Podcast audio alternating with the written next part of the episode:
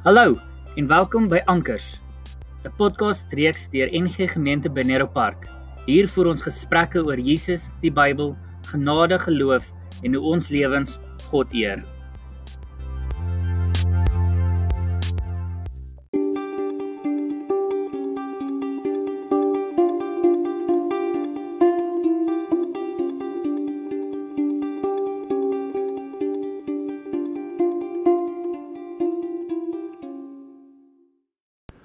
Goeiemôre. Dit is vandag Maandag, die 8ste Junie en ons is klaar met twee punte, al 13 hoofstukke gelees. En vanoggend begin ons saam lees en ons leer uit Paulus se twee briewe aan die gemeentes of in die gemeente in Tessalonika. Wat interessant is sommer net so 'n bietjie agtergrond. Paulus het hierdie brief waarskynlik uit Korinte geskryf, so plus minus 50 na Christus.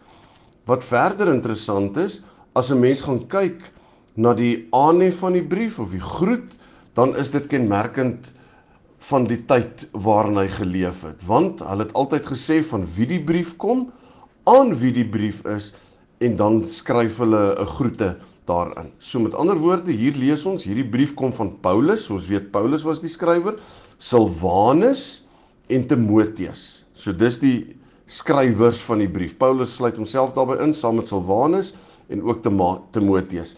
Dan sê hy ons skryf aan die gemeente in Tessalonika wat aan God die Vader van die Here Jesus Christus behoort.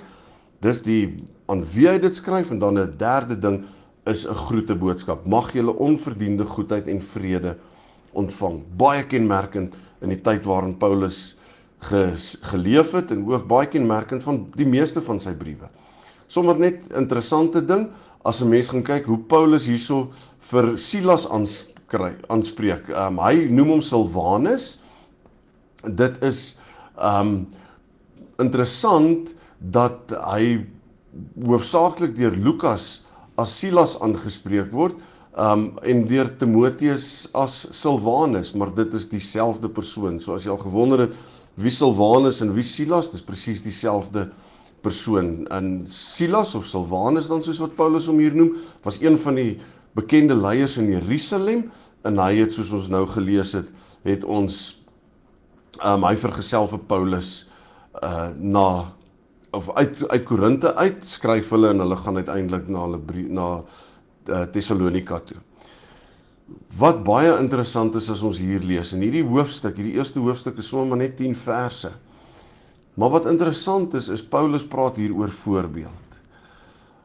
Mooi is natuurlik in vers 3 wat hy sê ons dink aanhoudend aan hoe julle geloof dade word. Ja, dit is nogal belangrik. Toe ek dit lees toe laat dink dit myself in my eie lewe word my geloof dade. Die tweede deel sê hy hoe hard julle liefde julle laat werk. Laat my liefde vir ander mense my hart werk dat ek bereid is om tyd en energie in te sit en hoe jy aanhou hoop op die terugkeer van ons Here Jesus Christus. Hulle het aanhou hoop want die ouens in die Nuwe Testament het 'n spoedige wederkomsverwagting gehad. En ek wonder net, ek dink aan my eie lewe, hoe sterk funksioneer die hoop aan die terugkeer van Jesus Christus in my lewe? Is dit iets waarna ek elke dag dink sê, "Jo Here, ek berei myself voor. Ek is elke dag besig om myself voor te berei vir u wederkoms." Speel dit nog regtig 'n rol in ons lewe of het dit al so lank teruggeword dat ons eintlik al vergeet het van die wederkoms? Miskien is vandag 'n goeie dag om ons net weer te herinner dat ons die aanhou hoop, ja, dat ons moet aanhou hoop op die wederkoms van Jesus Christus. Vers 5 praat hy daaroor en hy sê um ons weet dat hy julle uitgekies is, gekies het. Dit is natuurlik God die Vader. Van die goeie nuus wat ons gebring het, het julle heeltemal oortuig. Julle oortuigingswerk is nie net met woorde gedoen nie, maar ook deur die krag van die Heilige Gees. Vers 6 sê julle het mense geword wat ons en die Here se voorbeeld volg toe julle onder baie moeilike omstandighede die woord met 'n blydskap wat van die Heilige Gees kom aangeneem het ons moet nooit nooit die krag en die dinamika en die invloed van voorbeeld vergeet nie.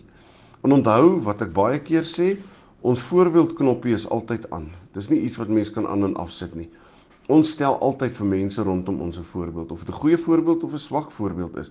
Ons voorbeeldknoppie is altyd aan. So kom ons onthou dat ons 'n voorbeeld stel wat sê ek verwag die wederkoms van Jesus Christus en ek werk hard uit liefde uit vir mense om my en ek het so hoop in die wederkoms van Jesus Christus dat my geloof word my dade kom ons bid saam Driemaal heilige God, U wat ons Vader, die Seun en Heilige Gees is.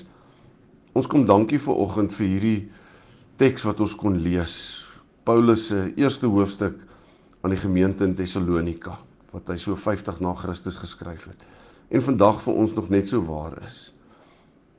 En soos wat ons nou geleer het, is dit ons gebed dat ons geloof sal dade word en ons sal dat ons liefde ons hart sal laat werk vir u koninkryk en vir mense rondom ons en dat ons nooit sal vergeet om 'n voorbeeld te stel wat sê Jesus is koning in ons lewens nie. Amen. Lekker dag verder vir almal. Tot môre.